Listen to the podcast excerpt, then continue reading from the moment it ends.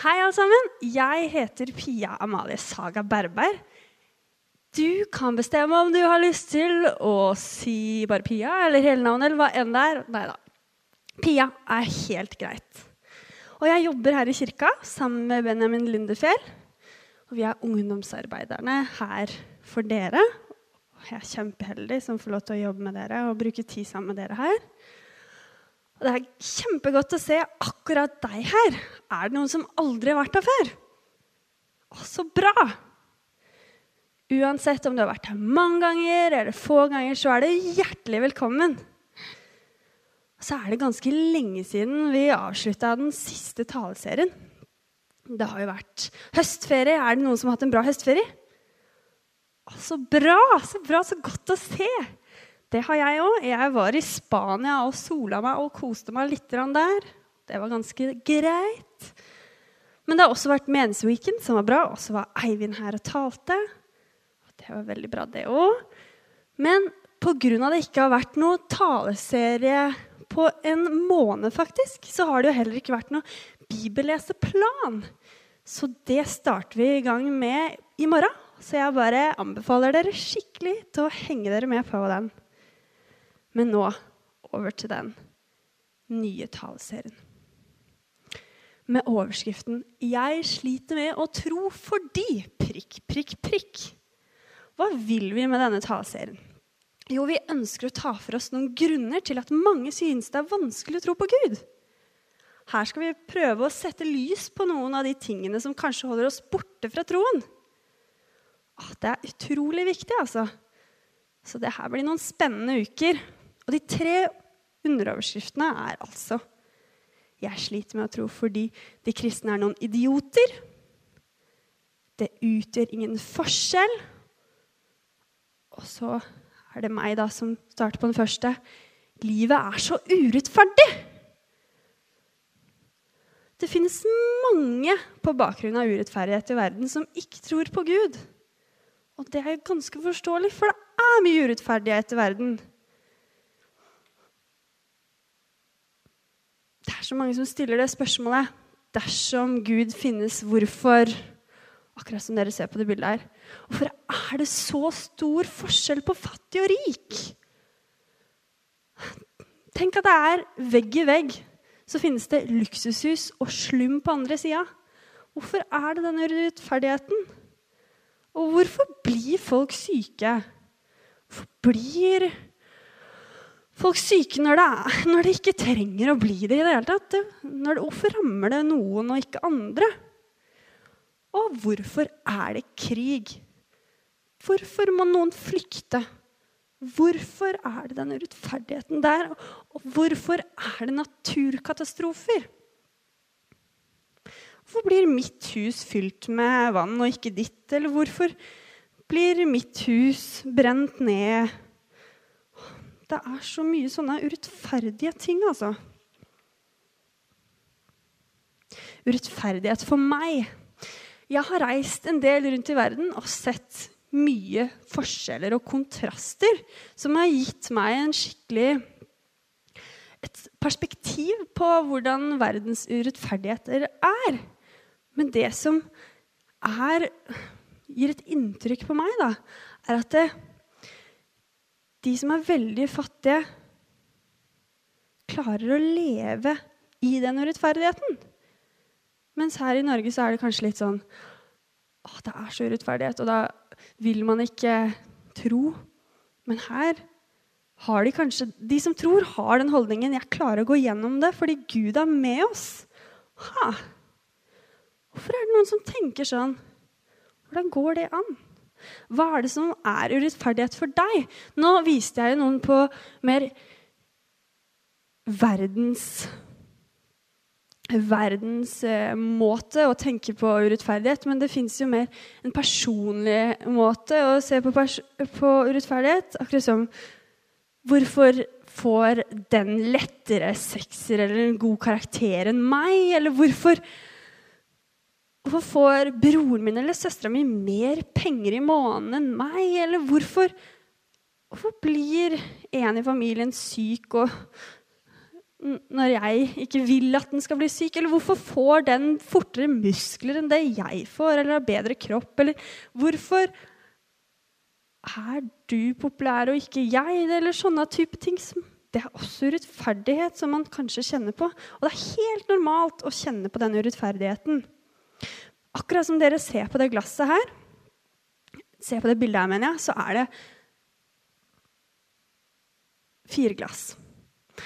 Og det er noe som i hvert fall jeg kjenner meg veldig igjen i angående rettferdighet. Så hvis man tar vekk U-en, så blir det jo rettferdighet. Og det er jo det å fordele noe likt som rettferdighet er. Og da når det er urettferdighet, så er det noe som ikke er fordelt likt på en kortere, måte, kortere sagt måte. Og jo, når man heller oppi drikke til mange, så vil man gjerne fordele det likt. Og det er da en måte å se på rettferdighet som man blir gjort, som man gjør i hverdagen. Men ja. Det er, ja, det er mange historier i Bibelen som handler om mennesker som har god grunn på bakgrunnen av urettferdighet, som ikke tror på Gud. Og et eksempel på det er Josef, som det står i om i første Mosebok, helt på slutten av første Mosebok, 37-50, kapittel 37-50. Og dere kjenner dere kanskje igjen i det bildet her. Josef, drømmernes konge. Det er en veldig kjent film som, jeg, som du også kan finne på Netflix. Det handler altså om han, den historien hans. Men det handler Josefs historie handler altså om han er sønn av Jakob og Rakel. Han kommer fra Kanans land utenfor Egypt. Og så er han yngst av tolv brødre. Og så er han yndlingssønn. Og han blir utstøtt fra brødrene sine. De selger han som slave til Egypt. Fordi de er så sjalu på han. Han blir sett som en klok slave der og blir derfor får en bedre stilling som slave. Og så er det da en dame i faraos rike da, som han kommer til, til uh, å bli slave for, som, han, som prøver seg på han, eller legger an på han. Og derfor blir han sendt i fengsel i to år. Men Gud var med ham. Og det endte med at han ble faraos høyre hånd. Og han berget sitt folk fra hungersnød, som det står om i slutten.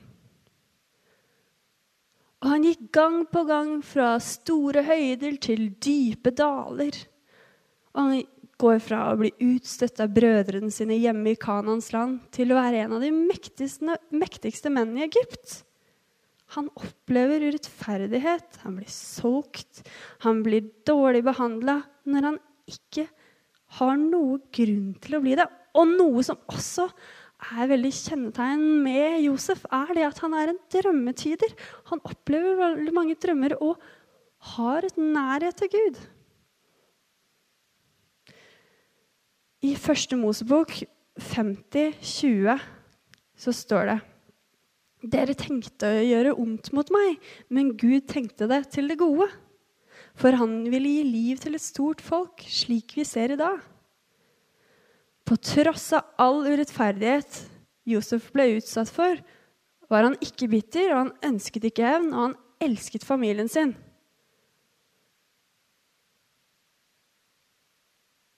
De ønsket å tenkte å gjøre ondt mot ham. Men Gud tenkte det til det gode. Gud er der. Fordi han ville gi liv til et stort folk gjennom han. Hmm. Og Josef har sånn Jesus sinnelag òg. Tenk å ikke være bitter. Og han ønsket ikke hevn. Og han elsket familien sin selv om de brødrene solgte han som slave.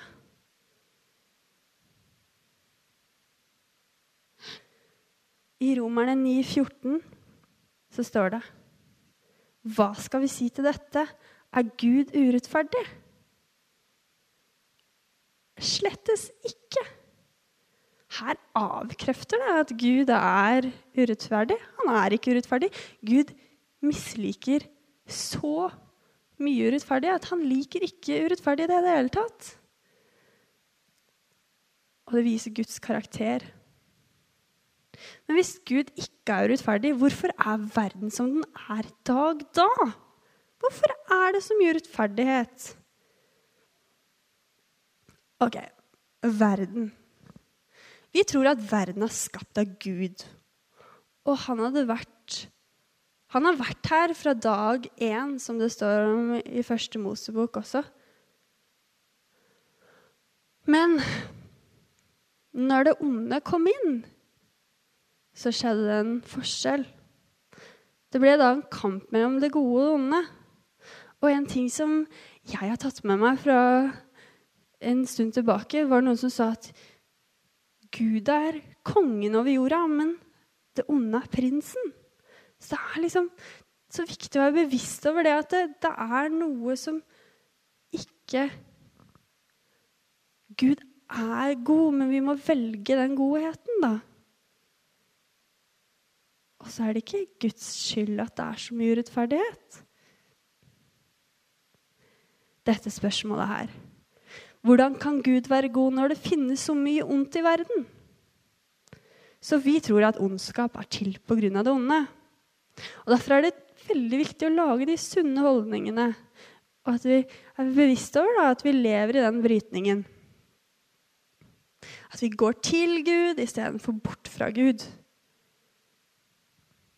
Hmm. Dette er så utrolig viktig. Vi må huske på at Gud har gitt oss fri vilje. Ja, og fri vilje er lik kjærlighet. Virkelig kjærlighet kommer av fri vilje. Så det går begge veier. Fri vilje er lik kjærlighet, og kjærlighet er lik vilje. Når jeg forberedte meg til det her, så fikk jeg høre noe som var veldig bra. Eller leste. Vi er ikke lovet en rettferdig verden, men en rettferdig Gud. Vi er ikke lovet et rettferdig liv, men vi er lovet et rettferdig etterpå. Gud er ikke årsaken til urettferdigheten. Han er løsningen. Han er løsningen til urettferdigheten. Så husk på det. Vi har fri vilje. Det hadde jo vært veldig rart da om alle bare Ja, ja, vi tror på Gud. Ja, ja, ja. Og så tenker man egentlig ikke gjennom det og bestemmer seg ikke i hodet over hvorfor man egentlig tror.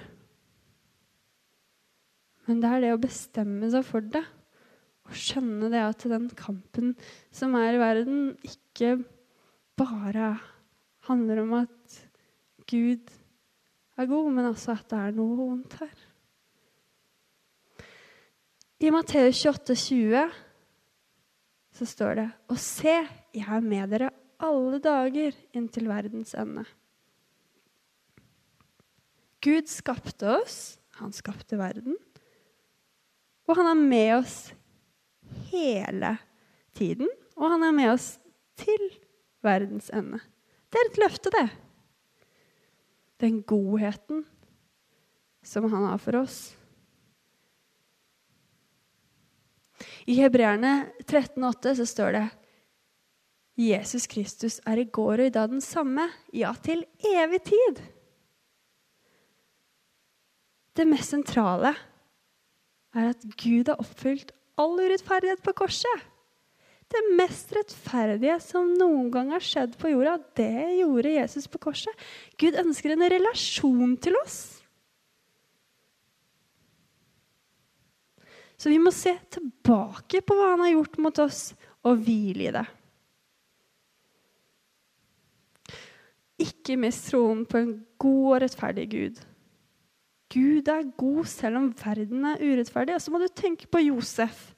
Han opplevde så masse urettferdighet, men holdt seg til Gud og stolte på han, selv om alt strittet imot han. Gud er god selv om verden er urettferdig alle dager til evig tid. Han har lovet oss rettferdighet. Og noe som er veldig sentralt og viktig å huske på, det er at vi vi som har gitt den kjærligheten her Gud elsker alle, men den, de som forstår den kjærligheten Selv om det er veldig vanskelig å forstå den kjærligheten Vi har også en oppgave om å dele den kjærligheten rundt i verden. Å være sjenerøse og være